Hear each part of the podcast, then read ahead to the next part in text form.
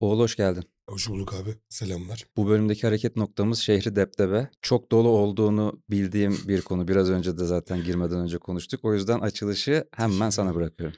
Teşekkürler. Yani e, zamanın böyle ilginç kırılma anlarından birinden geçtiğimizi düşünüyorum. Yani tabii işte ya hiçbir şey yoksa bile yazılmış bir hikayenin 100. yıl 100. seneyi devriyesi doluyor. Sadece mutlulukla alınabilecek bir şey tabii ki değil bu. O kadar çok şey birikmiş ki devamlı olarak kendini tekrar eden, tahrif eden, tahrip eden ve kusan bir hikayeyle karşı karşıyayız aslında. Ama bu e, dönemde de işte birazcık şehirle ilgili, kentle ilgili dertler, kaygılar böyle ister istemez arttı. Çünkü işte hepimizin bildiği çok yakın zamanda dev bir yıkım yaşandı ülkenin bir satında. Ülkenin bir satı bir kısmı inanılmaz etkilendi bundan.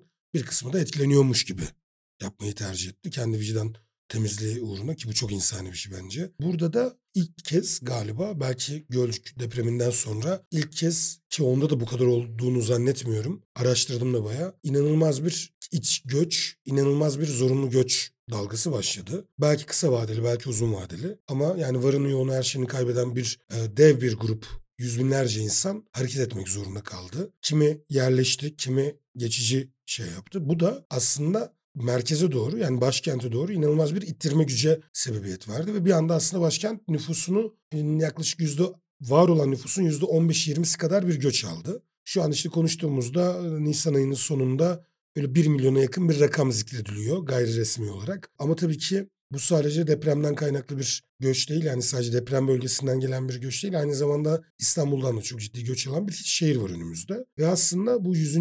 yılında ve o tam değişimin arifesinde de e, aslında hesaplar yeniden yapılıyor. Acaba işte bu şehir itibarını geri kazanır mı? Gerçekten 20 yıl, 22 yıl sonra tekrar başkent olur mu'nun hesabı çok yapıldığı bir dönemdeyiz. O yüzden yani en kötü tabiriyle kartlar yeniden dağıtılıyor. Ve şehrin her yerinde her böyle kapıda, damda, böyle e, mekanda, devlet dairesinde, market çıkışında her yerde aslında bunun tesirini görüyoruz. Şey bile yeterli bir amiyane bir tabire dönüştü. O bu ne abi Ankara'nın trafiği? Böyle değildi işte yabancı plakalar şu bu. Zaten kentli kent soyluluğunu yeni geleni reddederek, küçümseyerek bunu zaten dakika bir gol bir zaten çok güzel yapıyor. 31 plak arabası var, şöylesi var, böylesi var bilmem ne. E tabii ki ya ne olacak? Ben Yani. şeyleri duymaya başladım insanlardan. Bak kesin bölgeden gelmiş bu. Hı hı. Trafikte giderken bak kesin hani 06 plakayı bile görse şunu söylüyor artık. Bak hiç Ankara'ya alışık değil belli ki. Buraya şu- bu şekilde girilir mi? Böyle bir tavır sergilenir mi falan diye duyulmaya başladı. Yani bunu bir de Ankaralıların diyebiliyor oluşuyor. Yani çok Ankara'nın kent soyluluğu ya da o kent hikayesi çok ya bana en azından öyle geliyor. Çok yapmacık demeyeyim de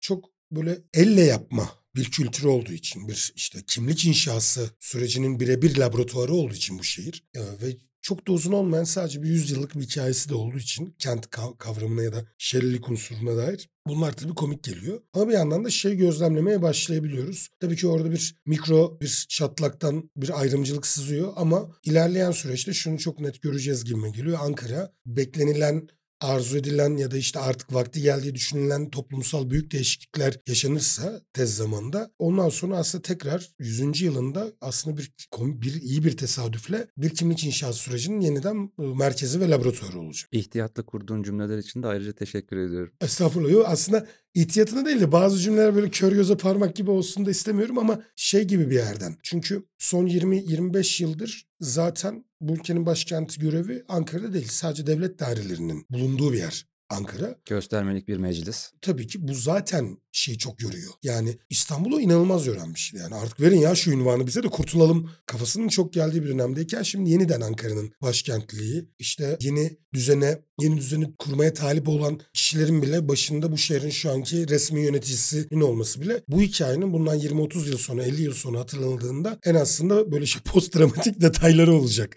diye düşünüyorum. Peki Ee, sence bu mevcut değişim Ankara'yı tekrar başkent mi yapacak? Yoksa Ankara'nın mevcut halini de daha da beterleştirerek, daha da bölerek, daha böyle içinden çıkılmaz karmaşık, hmm. kaotik bir hale mi sokacak acaba? Ya şöyle tabii ki bunun öngörüsü bir tık zor. Çünkü ya bu öngörüleri çok yaptık zamanında ve genelde de bu öngörülerle ilgili problemler yaşayabiliyoruz. Ama geçmişten farklı olarak şunu çok net söyleyebilirim. Bu başta bahsettiğimiz göç dalgası hikayesinde şunu çok net gözlemliyorum. Ankara aslında Ankara ya aslında Ankara olarak bildiğimiz yer genelde insanların da genelde böyle dışarıdaki insanların %80'in 90'ın bildiği yer. Merkezin merkezi Çankaya'dır ya. Hı hı. Bu defa Ankara ilk kez Ankara olarak göç aldı. Yani Nallıhan'da doldu, Kazan'da doldu. Yani Ankaralıların bile bilmediği Ankara zaten doldu aslında şu anda. O yüzden merkezin birazcık daha böyle e, kendini korumaya alacağıyla ilgili düşüncelerim var. Çünkü Ank- ilk çok uzun zaman sonra Ankara ilk kez kendi merkezinden dış çemberine doğru daha yabancılaşan bir profile sahip. Ya tabii ki Çankaya'da yaşayan kişiyi Polatlı'ya,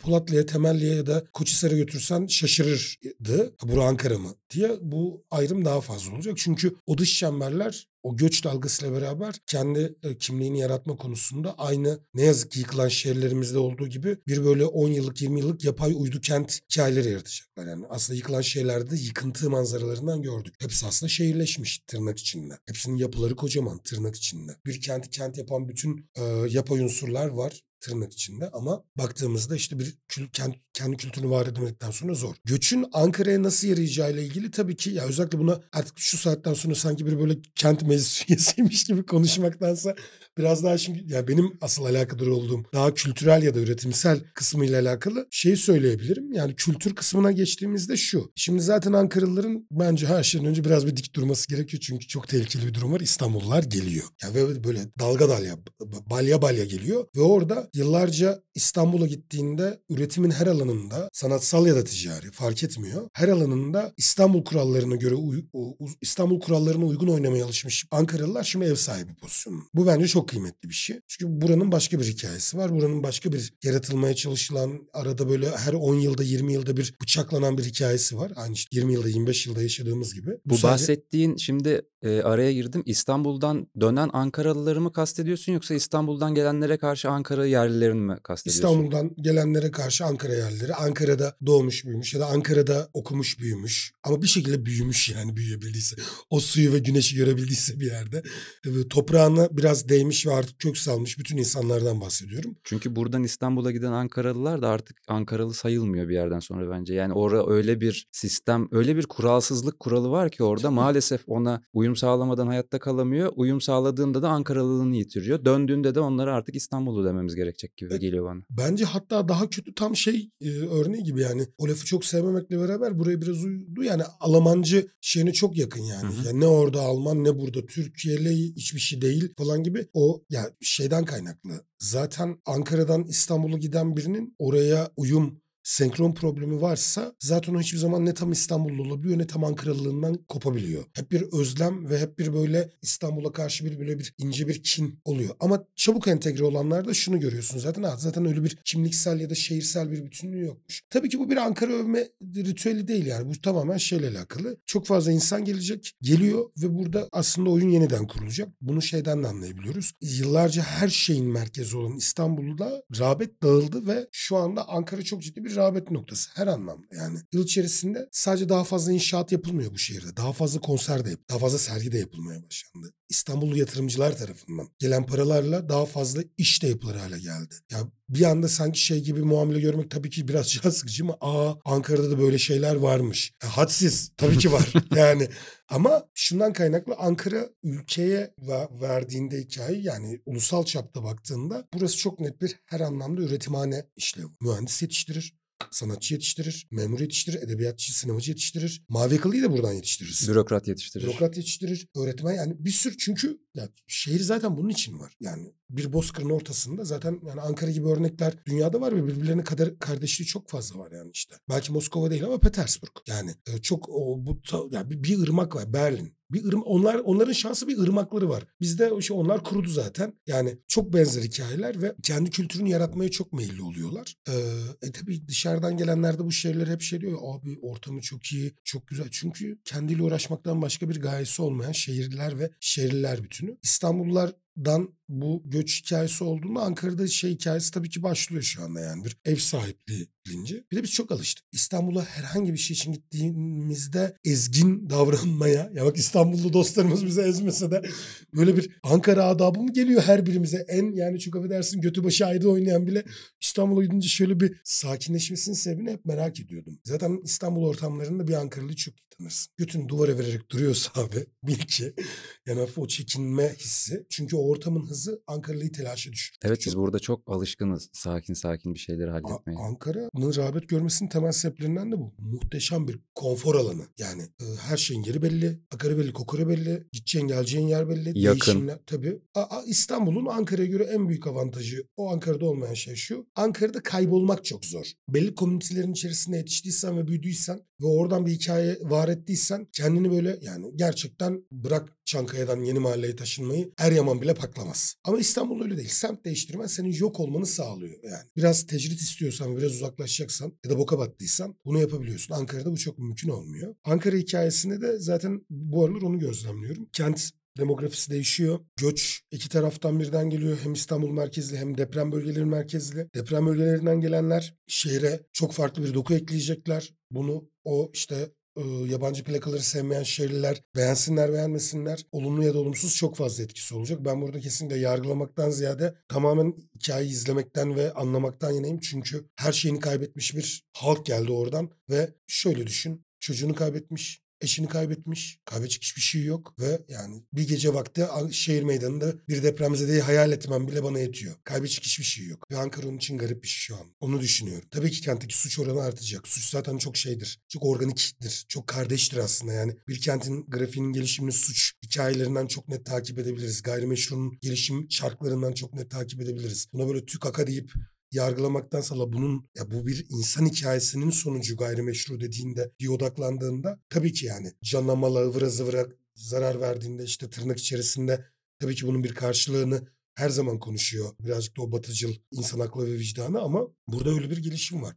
Evet şehir değişecek. Yani daha farklı bir yere dönüşecek. Kentsel dönüşümle dönü değiştirilen gettolar büyük yani apartmanlara rağmen tekrar o getto varlığını koruyacaklar. Ben biraz şeye benzetmeye başladım. Özellikle son dönemde depremden sonra iyice revaçta olan bu daha işte Ankara'nın uydu kentleri oluşmaya başladı ya işte Bağlıcalar, Turkuazlar adını bile bilmediğim bir sürü var Hı hı. şu anda baya böyle e, Marsilya'daki ya da Paris'teki o e, gettolar gibi ve oraya gelenlerin zaten tamam ama yani Anadolu'dan ve genelde de depremden gelen insanlarla dolduruluyor şu anda. Kendi kültürünü 2-3 yıl içerisinde var edecek. Bambaşka çemberler göreceğiz orada. Aslında Ankara bu dönemden sonra ve tabii ki seçim sürecinden de sonra büyük ihtimalle farklı bir kentleşme sürecinin içine girecek. Bu bir büyümeye sebebiyet verecek. Bu bir genişlemeye sebebiyet verecek. Şehirlisini mutlu eder etmez onu bilemem. Çok da orasında değilim. Ama ilginç şeylerin olacağını çok net biliyorum. Anadolu'nun merkezi olma açısından kültür sanat akışındaki line'ı hattı daha kalınlaşacak. Daha net bir spota dönüşü,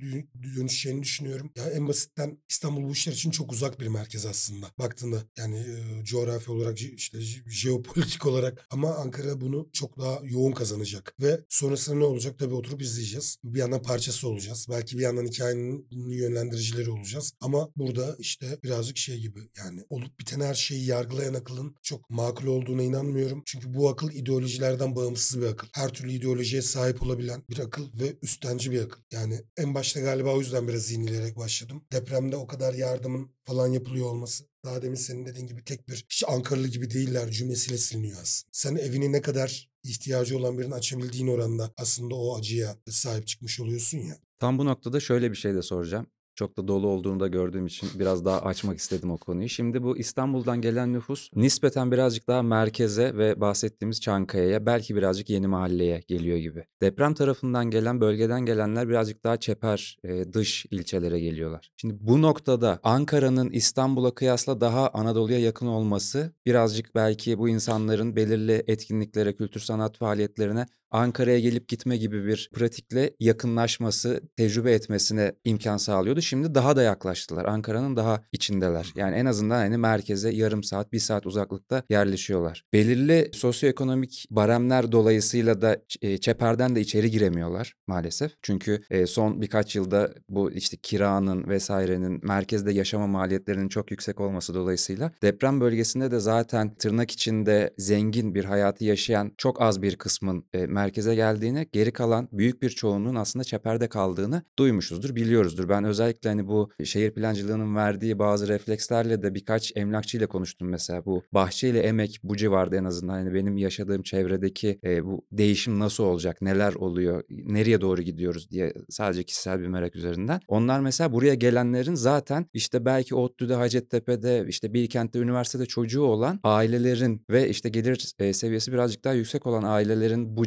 civarda yerleşmeyi tercih ettiğini ama büyük çoğunluğun aslında daha çeperlere işte Sincan, e, belki Eryaman, Polatlı bile hani bu e, seçenekler dahilinde. Şimdi bu noktada baktığımızda merkez bahsettiğin o yargılayıcı akıl İstanbul'dan da gelen bu birazcık daha işte kültür sanata aşina, İstanbul'u yaşamış, İstanbul kültürüyle yoğrulmuş nüfusla birleştiğinde sanki bu yargılayıcılığı daha da artacak ve yargıladığı nüfus da kendisinden daha uzakta değil, çok daha yakınına gelmiş bir şekilde bu artış olacak. Buradaki çatışma nereye gider? Daha doğrusu şu, şunu çok merak ediyorum. Burada bir çatışma mı olacak? Yoksa bu iki nüfus bahsettiğin gibi hani yargılamak yerine iki tarafında faydasına olacak ve toplumsal bir kalkınmayı, gelişmeyi sağlayacak bir pratiği üretebilecekler mi? Tabii ki seçimin de bunda çok büyük etkisi olacak. Ama e, hani gönül ister ki böyle olsun. Ama senin bu konudaki fikrin ne? Yani şöyle açıkçası e, dediklerinin çok ciddi bir kısmına katılmakla beraber bazı bildiğim bazı şeyler yüzünden e, tam katılamadığım şeyler var. E, deprem sürecinde e, biraz işte sürece de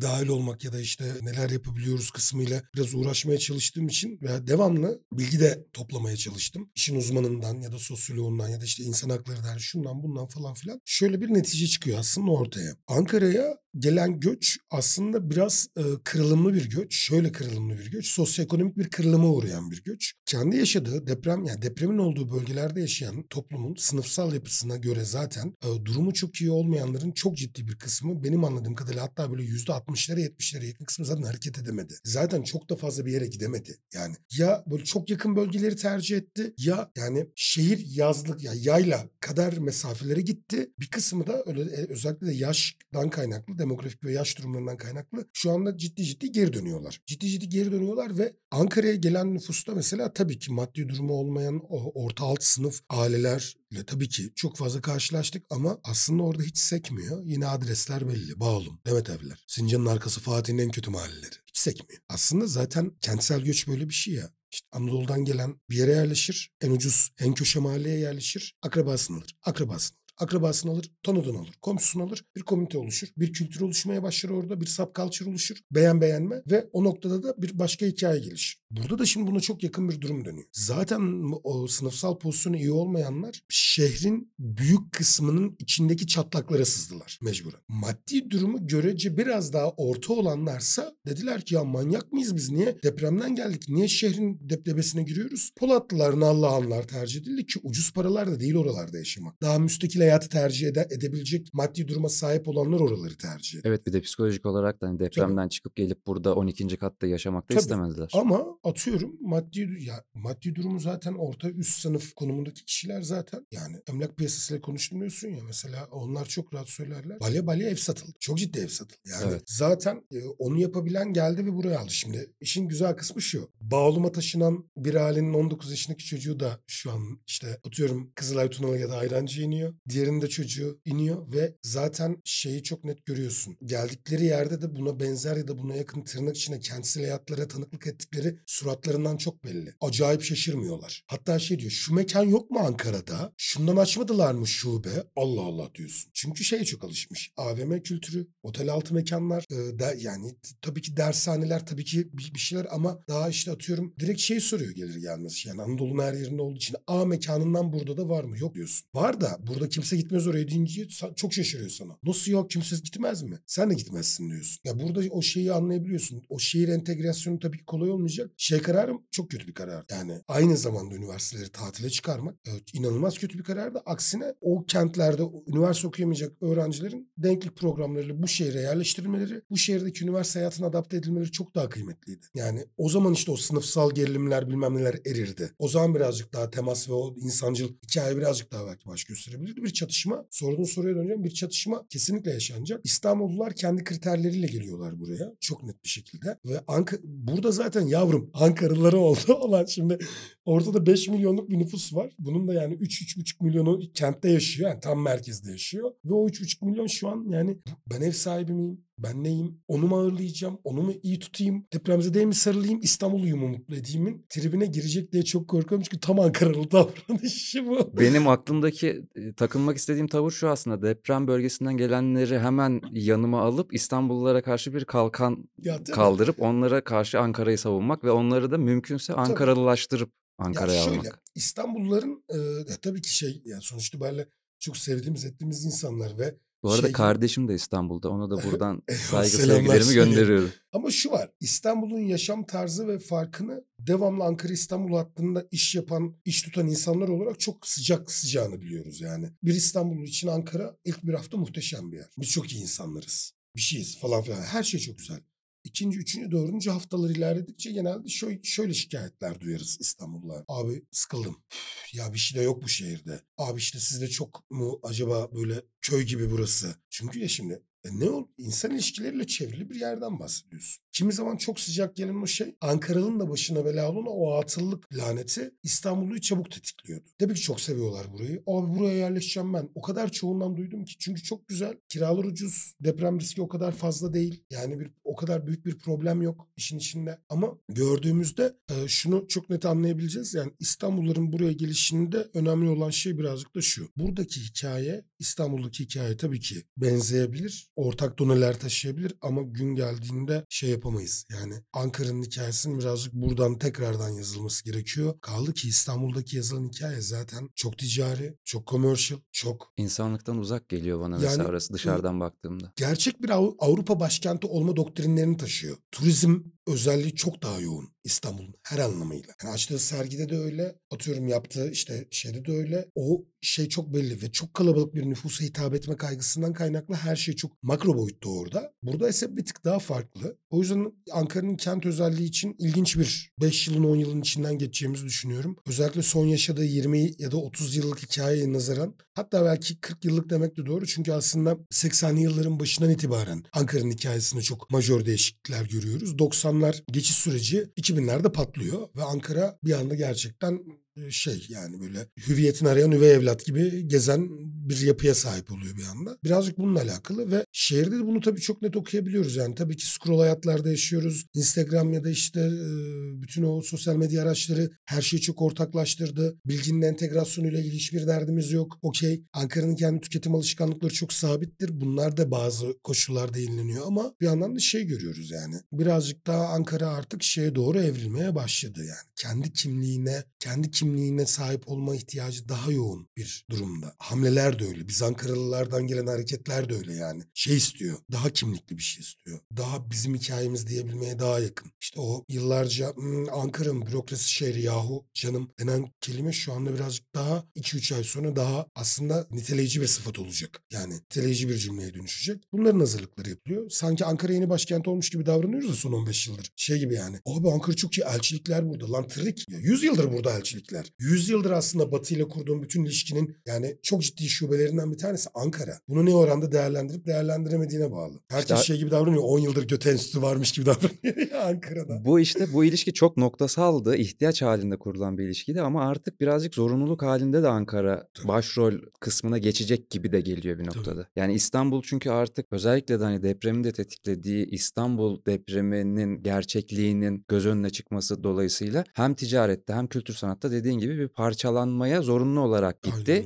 ve parçalandığında da nereye götürecek? Yani kültür sanat tarafından bakalım. Özellikle hani daha Aynen. etkileşim Konu, konu, halinde konuyu artık olduğumuz. oraya getirebiliriz aynen. Aynen. Güzel. E, o nereye gelecek? Yani e, tabii ki O Anadolu'ya dağılmadan önce Ankara'ya gelecek. Ankara iyice doyacak. Belki sonra An- Ankara'dan yayılacak bir şekilde. o zaman Zannetmiyorum ama yani muhtemelen İzmir, Eskişehir, Ankara, belki Bursa oradan Hı hı. hani birazcık daha e, pay alabilecek e, şehirler gibi duruyor. Çoğunluğu da Ankara alacak. O zaman aslında şey yapmak doğru bir cüm- devam cümlesi olabilir. Çok az bir böyle e, yaşadığımız dönemin kültür sanat hayatına dair bir e, belki bir mini bir provizyon, bir, bir, bir bakış hali belki şey yapabilir. Tabii ki çok fazla klişe ve amiyane cümle var ama e, her şeyden önce çok dedi daha demin kurduğum cümlelere yakın bir şey kurmuş olacağım ama gerçekten bu işte bir sürü teorik metinde de gördüğümüz bu şey kavramı var işte kendim e, ifade etmeye çalışan neslin başrolünü oynadığı dönemde olmak. İşte manifesting generator'lar, işte o e, sosyal medyanın bu kadar e, hayatımızı etkiliyor oluşu, e, Z kuşağı kavramı, onun tüketim ihtiyaçları, sanatsal tercihleri, onların ister istemez ondan sonraki önceki kuşakları da etkiliyor oluşu. Ya çok net eminim. Y kuşağı, X kuşağı bıdı bıdı hiçbiri kendi kuşağının genciyken bu kadar öncüllerini etkilememişti. Z'nin bizi etkilediği kadar biz mesela bizden öncekileri etkilediğimizi kesinlikle düşünmüyorum. Aksine daha 80 ortası ve 90 başı aralığında doğan kuşak daha hep şey yani işte öğrenmeye daha meyilli, daha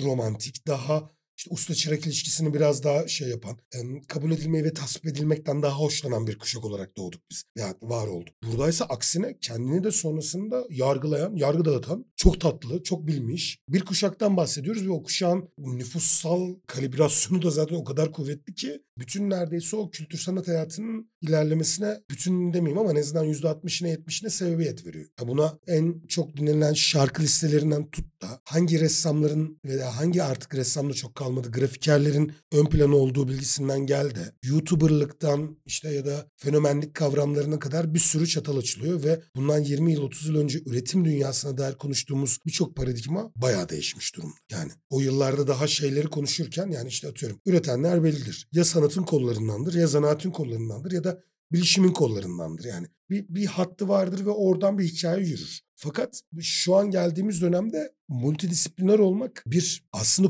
hiç kolay olmayan bir ta- taskken, hiç kolay olmayan bir sıfatken En azından olmaması gerekiyor. olmaması gereken bir şeyken şu an ya şey gibi olmasa ayıp olur kadar geldi. Bu da mevzunun içini boşalttı zaten. Şu an herkes her şey olabiliyor. Aynı anda bu dediğim gibi yine yargıladığım bir şeyden ziyade görüp bunun neticesiyle dalga geçtiğim bir şeye dönüşebileceği için de rahatım. Çünkü dediğim gibi yargılarsam uzaklaşırım. Yargılamaktansa bunun birazcık daha içine girmek yani işte az buçuk benim nelerle uğraştığımı da bildiğin için bunu çok rahat anlatıyorum. Yani o damarlara ve yollara girerken hep aslında bunların merakı da oluyor içimde yani. Tamam. Ya genelde atıyorum dediğim gibi 80 ortası, yani 80 başından 90 başına kadar doğmuş ekipler olarak belki e, yeni kuşağın talihini ya da işte tanzimini biraz yanlış yapıyor olabiliriz. Biz de fazla yargılayıcıyız. Yani işte Sanmıyorum pek ama. efendim. Yanlış yaptığımızı pek Ya sanmıyorum yanlış ama. demeyeyim de belki birazcık daha şey gerekiyor olabilir. Onun içinde bulunduğu durum da aslında bir netice. Kendi tercihlerinden, kendi duruşundan ziyade çok netice nesli onlar. Biz yine iyi kötü kendi varlığımızla ilgili içsel kaygılar, ontolojik bilmem neler onların peşindeydik. Çünkü okuma ve araştırma veya kavramlandırma süreçlerini yaşadık birebir de. Belki bizden eski kuşaklar daha bu çok bunu yaşamıştır ama bilgiyle ya bizim kuşakla o kuşak arasındaki en müthiş fark o. Arada geçiş olurken bilgiyle olan neredeyse zaten çok incelmiş o tek halatta koptu. Ya bizim bir şey yapmak için bir sürü şeyi öğrenmemiz ve onun sonucunda kendi süzgecimizden geçirdiğimiz haliyle bir üretime geçmemiz gerekiyordu. Şimdi Evet. üretmek için hiçbir şey bilmeye gerek yok. Üstüne Evet. bir de şöyle geliyor bak bana aslında. Biz külah tutuyorduk. Biz ne oluyoruz? Y, y kuşağı mı oluyoruz? Gibi. Y kuşağı olarak biz bir külah tutuyorduk. Sosyal medya geldi bunun üstüne bir top dondurma koydu. Evet. Z kuşağı geldi bir top daha koydu. Yapay zeka geldi üstüne en son topu koydu. Biz artık o külahı taşıyamıyoruz. Yani bunu ya bu dondurmayı yiyeceğiz ya da bu dondurma dökülecek. Bence Z kuşağı üzerindeki e, çıtır kaplama, çikolata sosu,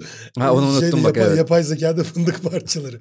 Şöyle. Ama en büyük etkiyi de fındık parçalarıyla çikolata tabii. sosu yapıyor tabii, bu dondurmada. tabii. Ama orada işte şey gibi bir durum var. Z kuşağının gelişiminde şunu hissediyor olmak çok etkili. Kültür, sanat ve kent hikayesiyle çok alakalı bu. Çünkü her ne, ne yaparsan yap hele de Türkiye gibi toplumlarda zaten bu hep geçerlidir ya. Genç kuşak nüfussal olarak, demografik olarak da en kalabalık kitleyi tutar ve en belirleyici yönelimi de tüketim tercihlerini genelde oradan alıp topluma devam ettiririz. Yani önce 20'lerinin başındaki insan en son çıkmış telefonla karşılaşır. Sonra o babasına, dedesine kadar gidebilir. Kullanabiliyorsa eğer. Bu e, sanatta da böyle yani. Onun dinlediği müzik seke seke seke. Belki el- 60 yaşında birinin kulağına da çalınabilir evde çalınıyorsa. Öyle tanır. Aslında köprü de oluyor. Ama bak bizim dinlediğimiz müzikler, bizim takip ettiğimiz sergiler vesaire kültür Hı hı. sanatta bütün aktiviteleri dahil ederek söylüyorum. Bizden önceki kuşaklara da bir şekilde hitap edebiliyor ve onları belirli noktalardan yakalayabiliyordu çünkü üstüne koyarak bir söyleyeceğim. Z'de bir atlama var gibi. Yani büyük bir Ağzım hendek var gibi. Kesinlikle katılıyorum. İki madde var bence. Bu çok konuştuğumuz bir şey bu ara. Bu arada bunu zaten kendi aramızda konuşmuyorum yani. Bayağı şeydeyim. Devamlı olarak işte Z kuşağının parçaları ya da yakınlarıyla ya da işte o yaş grupları onlar da kendi aralarında çok tartışmalılar. Ben Z'yim değilim. Ben Z olmam canım. Mesela 99 doğumlu ve Z olmayı reddediyor. Diyor ki ben Z değilim. Ben onlardanım. Bizi gösteriyor.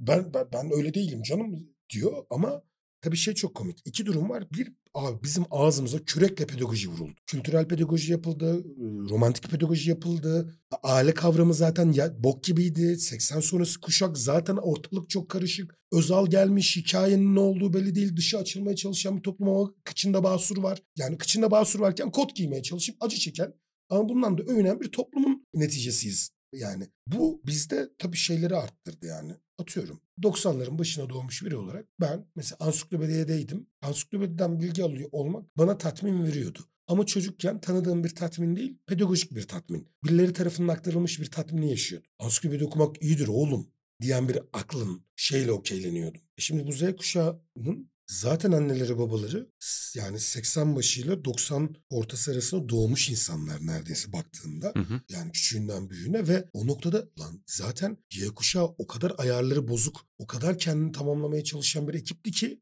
e ondan çıkan nesil de bu olur. Niye şaşırıyoruz? Benden henüz bir nesil çıkmadığı için Çıkmadı. geniş geniş konuşabiliyorum ben Ama bu şöyle senin yaş grubunun çocukları var şu anda. Evet. Ve aslında onlar Z kuşağı ya yani. Bir de genç olmanın tanımı inanılmaz değişti. Yani 17-18 yaşında genç olmak, 16 yaşında genç olmak kavramları şu an 11-12 yaş için konuşuluyor. 30 yaş bizim zamanımızda gençti mesela artık Değil. Kesinlikle değil. bitti. Yani 30 yaş gözün toprağa değil. bakıyor gibi bir şey Evet, neredeyse yani şimdi. Şu anda şey gibi. Abilik ünvanı 30 yaşta mesela. Ben 30, 30 yaşı girdiğim an bir anda böyle toplumsal statüm değişmiş gibi oluyor. Bir anda ki yaş almaktan keyif de alan bir tipim.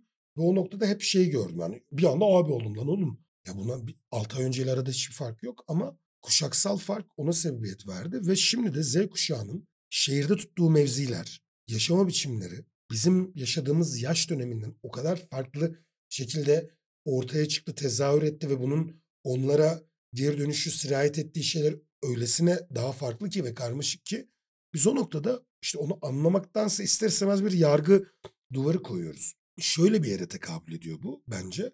Ya şimdi iyi kötü Ankara sadece Ankara için değil ama Ankara'dan örnek verelim. 80 başı 90 başı doğmuş neslin en ortak özelliği belli bir yaşa gelince ergenliğin dirhemine gelince şehir merkezindeki dershanelere inerek kendi yaştaşlarıyla tanışıp sosyalliğinin had safhaya vardı ve biraz da hayatı anladığı, meraklara bulaştığı, gidip ne bileyim işte ilk kez hayatında konsere de gittiği, sergiye de gittiği, çok özür dilerim kerhaneye de gittiği, İnternet siyasi- kafeye gittiği. internet kafeye gittiği, siyasi örgüte gidip kayıt olduğu döneme de denk geldiği için bizde öyle bir şey vardı ve biz bunu kuşaksal olarak hep beraber yaptık. El ele tutuştuk ve hep beraber o adımı attık. O internet kafeye hep beraber girdik biz. Ama bunlar da bizden çok daha büyük dünyaları giriyorlar. Ama bir evde ve dört duvarın arasında çünkü Evet. bu var. Dinleyenler duymuştur sesi. Yani Telefonuna vurdu. Evet, evet. Masadaki telefonuna vurdu, oğul vurdu. didaskali verelim. Yani o çok etkili. Çünkü e, neticeden kastım oydu. Ya şimdi doğdular, büyüdüler. Zaten çocuk çocuk kavramından çok da böyle ne hissettiğini bilemeyen bir kuşak. Bizim kuşaktan bahsediyorum. Kuşağın evladı olarak doğdular. Anne babadan ziyade işte daha büyük aile, büyük anne, büyük baba nesli bizde de yoğundu ama onlarda daha yoğunlaştı. Ama büyük anne, büyük babalar da çok eski değil. X kuşağı.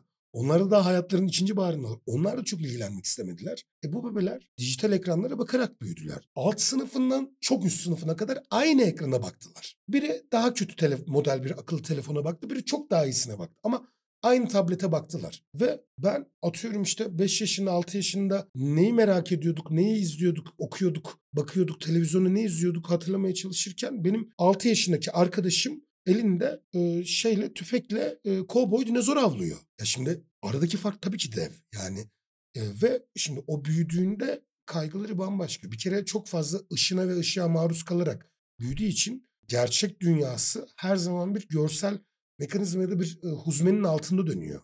Onun zihnindeki, gözündeki gra- grafik haline getirme şey bizimkinden çok farklı.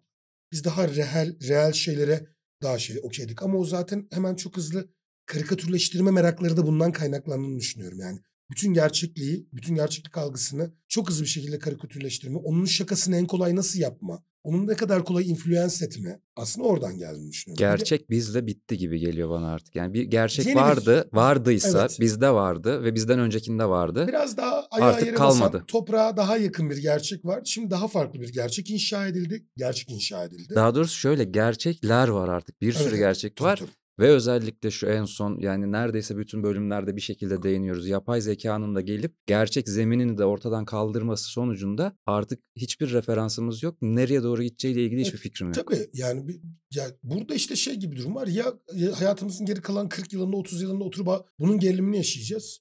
Çok erken yaşlanmış olacağız. Yani bu çok hızlı bir boomerlık girişi bu. Ya da hikayeyi işte nereden yakalayabiliriz ya da nereden evirebiliriz ya da nereden şey yapabiliriz gibi bir yere gideceğiz. Çünkü çok doğru dediğim bir şey. Şehir hayatında çok etkili. Daha sabah başıma geldi. Yakın zamanda bir konser yapacağım Ankara'da ve çok da Ankara'ya gelip gitmesini sevdiğim bir sanatçının konserini yapacağım. Çünkü diyorum ki bu kadın her gelişinde o kitlenin oraya gelmesi iyi bir şey. Bu insanı sahnede izleyip dinlemeleri önemli bir şey. Yani ticari kaygı gütmediğim işlerden bir tanesi. Ve afiş çizildi. Afişi de bayağı böyle Z kuşağı bir ressam çizdi. Ve böyle şey çok parlak falan bir çocuk. Afişi gönderdik sanatçıya. Sanatçının bize ilk şey yaptığı şey şu. Wow çok iyi. AI mı bu? Hadi ben de dedim ki eleme. Dayanamadım yani. Eleme abla dedim yani mecburen. Hadi ya çok iyi. Yani şimdi zaten o yapay zekanın ben bu arada yapay zekanın ömrünün tabii ki çok acayip şeylerle gelecek ama kendini eski zaman adetlerine göre çok daha fazla yenilemek zorunda kalacak bir disipline maruz kalacağını düşünüyorum. Çünkü çok hızlı sıkılacaklar insanlar. AI'dan da çok. Çünkü şimdi sunduğu şey sonsuz olunca canın çok hızlı sıkılır zaten. Geç, bunu değiştir, yenisini yap. Yani AI'ye verdiğin komutlar bir noktadan sonra şey olmaya başlayacak. Yani daha ne deneyeceksin işte 1970'ler İstanbul Kapalı Çarşı ama gay erkek olsun, şapkası şöyle olsun. İşte siyasetçiler Freddie Mercury'ye benzesin olsun. Afişler yapılsın. Tabii ki belli iş kollarını mahvedecek. Tasarım sektörünün içine sıçacak. Çok net bir şekilde. Bitti bile ya ben şeyi Baş- gördüm. tabii, Çok tabii. başlarında bile yani. Midjourney'nin en başlarında iletişimin Midjourney ile kapak yaptığını gördüm mesela. Tabii. Ya şey işte. E, Yani siz yapmayın bari diye geldi içimden onu Yo gördüğümde. şey ben çok sık duymaya başladım. Afiş yapılıyor. Bir de bir taraf diyor ki ya mesela tasarımcıya şu denir mi? Ya size afiş yaptırdık ama ya biz de AI'da bir şeyler denedik. E kardeş yani. Bunun kime dendiğini de hatırladığım için şimdi. Benim yüreğim şu yüzden ferah. AI işinin de profesyonelleri türüyecek. Yapay bir zeka ama yine kontrol edilmeye muhtaç bir yapay zeka olduğu için onun da iyileri tabii ki çıkacak. İnsan zekasıyla yapay zekanın şeyi orada yine bir, bir birliktelik yakalayacak diye tahmin ediyorum çünkü. Ya bu defa da AI artistler duyacağız. Nasıl AI kullanıyorlar? Niye lan sen de yazabiliyorsun? Başladı bile evet. onlar. Başladı bile. Yani durum gidişat hiç iyi değil. Şimdi bahsettiğin gibi hani herkes kullanıyor. Çok büyük bir hevesle ve büyük bir e, yoğunlukta kullanıyorlar. İşte onu yapalım, bunu yapalım, geçmişe götürelim. İşte e, peygamberleri çizelim. Eski siyah beyaz fotoğrafı olan çok eski sanatçıları çizelim. İşte bilim insanlarını sanki bugündeymiş gibi yapalım. Atatürk'ü yapalım, Lenin'i yapalım falan. Tamam bunlar geçecek. Bu heves geçtikten sonra bir alana çok ciddi bir şekilde çökmüş olacak yapay zeka ve yapay zeka ile bir şey üretmek için demin konuştuğumuz gibi herhangi bir bilgi, herhangi bir tecrübeye sahip olmana gerek olmadan orada bir şey üretebiliyor olacaksın. Ayrıca şöyle bir sıkıntı da var. Tabii. Belki denk gelmişindir yakın zamanda. E, Trump'ın gözaltına alınırken, polisle mücadele ederken vesaire gibi böyle bir seri fotoğrafını oluşturdular Midjourney'de. Evet. Midjourney hatta bunu oluş- yapan e, kullanıcıyı yasakladı vesaire falan. Ama bu işte gerçek olarak bir şekilde bir yerde yayınlandığında bunun eskiden şöyleydik ki biz teyit etmek için ya bir video istiyorduk ya bir görüntü istiyorduk, bir fotoğraf istiyorduk. Herhangi bir olayın teyidi için. Bu fotoğraf yoksa elimizde, bu video yoksa bu olay teyitlenemiyordu. Sana- Şimdi artık bu teyit mekanizması da elimizden alındı. Çünkü Trump yani bu fotoğrafı sen New York Times'ın bir e, blog sayfasında bir haber sayfasında gördüğün anda dönüp de şunu der misin mesela ben bunu bir teyit edeyim. Şöyle bir şey söyleyeceğim. Ee, yaşadığımız zamana dair bir enstalasyon yapılıyor olsa bütün dünyayı kapsayan isim önerim var. Montaj bu. Biz küçükken anlamazdım. Montajın tavla oğlum ne demek yani montaj da o kadar da montajı gerçeği yapamazsın. Verdiğin o Trump örneği kesinlikle çok doğru. Ben de bakarken aklıma ilk gelen şey ya ilk bir 10 saniye aldandım. Ha sonra dedim ki ha tamam okey. Yani bu o değil. Tamam yani bu o değil. Şey bunu ben mesela niye yapabiliyorum? Ya kafamın bir yerinde kritik bir yer var çünkü. Yani kritik yapmaya çok yatkın bir yer var. O yüzden bunu yapabiliyorum. Küçük insanın bunu yapmayacağını adım kadar eminim. Bak yapamayacağını falan haddim değil asla değil ama yapmayacağını. Çünkü çağın bilgisi öyle bir şey ya. Şimdi Z Anlık tepki vermen gerekiyor. da aslında bunun çok ciddi bir yeri var. Ee, çocuklarla iş yaparken konuşurken şeye bayılıyorum. Yani müthiş bir cahillik var ve ben bu cahillikten inanılmaz keyif alıyorum. Ama şöyle. Bunu da ne kadar tatlı söyledin çok hoşuma gitti şu an. Şöyle bir cahillik var. Gidermeye çalışmış bunu ama eldeki done etmiyor. Adam şunu yapmış. Çok içsel bir şekilde kalbi iyi yani o Z, o Z kuşağı memberların da kalbi iyi. Yani şey diyor. Abi Wikipedia'ya baktım diyor. Ah kurban olduğum. Yani o yetmiyor ki. Ha, niyet o kadar iyi ki ama diyor ki ya ben o bilgiyi almaya çalıştım. Yalancı değilim diyor. Ama gittiğin kaynak yalan söylüyor. O gerçek bir kaynak değil. O da senin benim gibi bir insanoğlunun gerçeği manipüle etmek için ortaya attığı bir şey. Ha bir de bunun hazzı çıktı ortaya. Yakında büyük ihtimalle bunu dair kuramsal içeriklerle çok net karşılaşacağız. Manipülasyonun hazzı başladı. O trollük kavramları bilmem neler çok burada yatıyor. Ya düşünsene Trump'ın gözaltına alınırken ki vizyonunu niye koymak istiyor? Çünkü onun haz alıyor. Sanatsal dışavrum var bu işin içinde. Bir bilinç akışı var. Bak- bak- Toplumsal galeyan var. her şey var. Niye kızalım ki ona? Mitchell'ı yasak da koymuş oysa ki ama yani bir yandan onu anlatmaya çalışıyorum. Bu geldiğimiz dönemde de yani neyin gerçek neyin değil kısmının çok karman çorman olduğu çok aşikar. Çünkü bilgiye, bilginin gerçekliğine gösteren rağbet kalktı ortadan. Artık galiba hikaye birazcık da şey var edecek yani. Hep epistemolojik olarak şeye bakarız ya. Kaynak vardır, bu kaynaktan çıkan bir bilgi vardır. Bu bilginin etrafında oluşan bir gerçeklik ve bununla beraber oluşan bir hayat, yaşam koşulları, üretimsel şemalar falan filan. Galiba biraz tam tersi bir şeye doğru gidiyoruz. Yani neticelerden yola çıkarak alınmış pür bilgiye doğru gidilecek yani. Aslında galiba insanoğlu kendi ontolojisinde ya belki biyolojik evriminin kırkta biri kadar bir sosyolojik evrime uğrayamadan tekrar bir sil baştana geri dönme durumumuz var. Çünkü gerçeğin bilgisini deneysel ya da ne deniyordu ona? Yani gerçekten evet bu bu neticeyi veriyor mu deneylerinden sonra ancak alarak konuşabileceğimiz bir döneme gelecek ki çok değil. 5-10 yıl içinde bilginin gerçekliği tekrar çok kıymetli bir yere dönecek. Ama bu işte dezenformasyon yaşandıktan sonra tekrar gerçek diye bir şey tanımlamak mümkün olacak mı? Ben orada çok korkuyorum mesela. İşte orada ben şey diye düşünüyorum ya yani yapay zeka veya benzeri şeyler tabii ki çok ciddi etkiliyor fakat insanoğlunun daha demin dediğim şeyin çok arkasındayım. İnsanlığın fizyolojik ya da biyolojik evrimine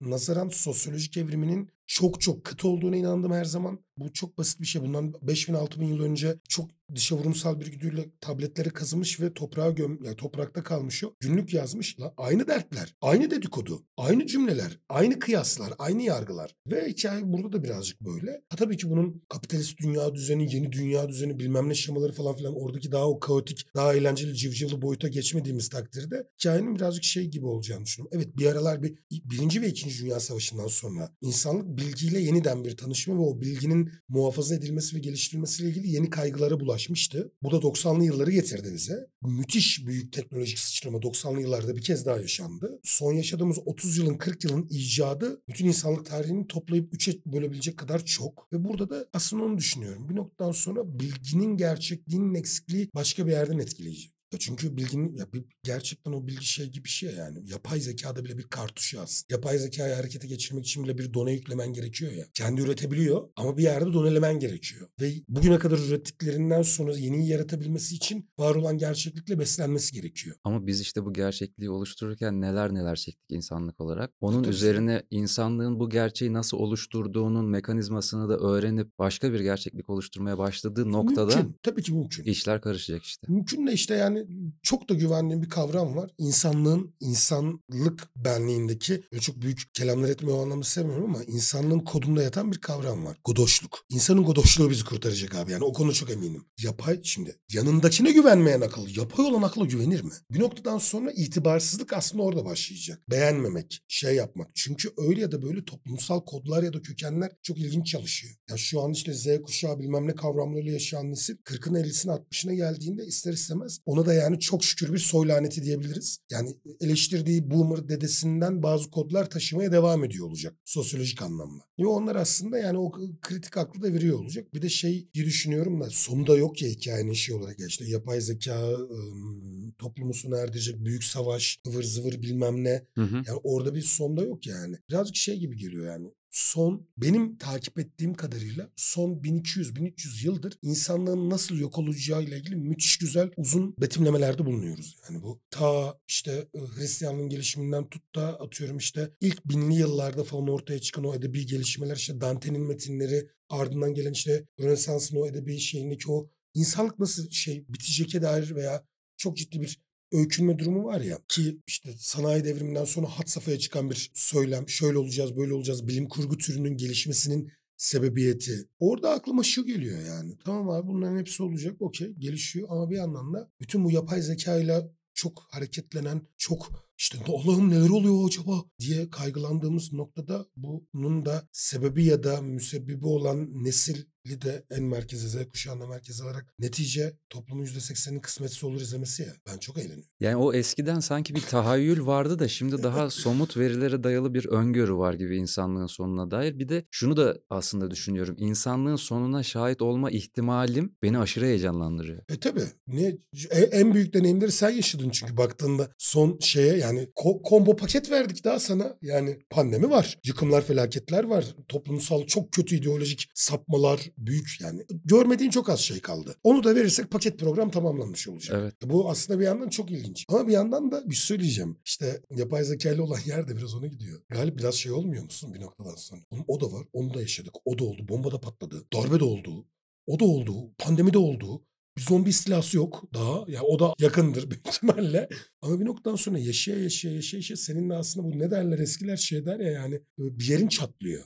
Yani mene, artık me, menengi taşın mı çatlıyor bir yerin çatlıyor yani artık olumsuz şeylerden etkilenme eşiğin çok genişlemeye başlıyor. İki ayda bitti ya depremin etkisi. Çok özür dileyerek söylüyorum. Bu yayını dinleyen herkesten de çok özür dileyerek söylüyorum. 6 Şubat'ta olmuş bir şey çok kısa zamanda etkisini yitirdi. Niye biliyor musun? Lan bu toplum son 10 yıldır o kadar büyük şeylerle sınanıyor ki 2 ay yetti. Bir sonrakini beklemeye Bir başladık. sonrakini beklemeye başladı tabii canım. Ki bir sonraki de geliyor. Az çok kaldı. yakında. Çok Yani. yakında. Yani sen çok daha iyi biliyorsun. İnsan yapımı bir felaket şeklinde geliyor. Yani bu, ki bunun da insan yapımı olmadığını iddia etmek çok zordu. Son yaşadığımız 6 Şubat'taki hikayenin tamam çok büyük bir deprem ama önümüzde onlarca örnek var. Bir sürü toplumdan sadece illa Japonya'yı konuşmaya gerek yok. Şili gibi müthiş bir örnek var önümüzde. Bizim gibi bir ülke. Onlar da basurlu toplumsal olarak. Ama işte aldığı tedbir ortada falan filan. Bu da çok ciddi. Asrın felaketi değil yani. Asrın icadıydı bu 6 Şubat'ta yaşadığımız şey. Müsebbipleri de orada da zaten. Hareket noktası bu bölümünde geleceğe bir mesaj gönderme tercihinde bulundu ve bulunduğumuz dönemin etiketini montaj bu Evet, diyerek montaj bu. bir önerimizi geleceğe havaya doğru göndermiş olduk. Şehrül Debdebe e, başlığı altında vardığımız yer galiba birazcık da o yaşadığımız çağda son hikayede baktığımızda montaj bu. Dev bir felaket. Nasıl manipüle edilir? Yaşadığımız çağın üretimi aslında entegrasyon adı altında nasıl bir yapaylaştırma ve başkalaştırma sürecini yaşar? Bunun e, muhatapları nasıl kendini toplumun veya üretimin içinde ya da dışında şey yapar? Bütün bunlara dair güzel bir sohbet yaptık. Teşekkür ederiz. Oğul teşekkürler güzel muhabbet. Teşekkürler Galip çağırdığın için. Dinleyenlere de teşekkür ediyorum. Sağ olun. Hareket noktası bitti.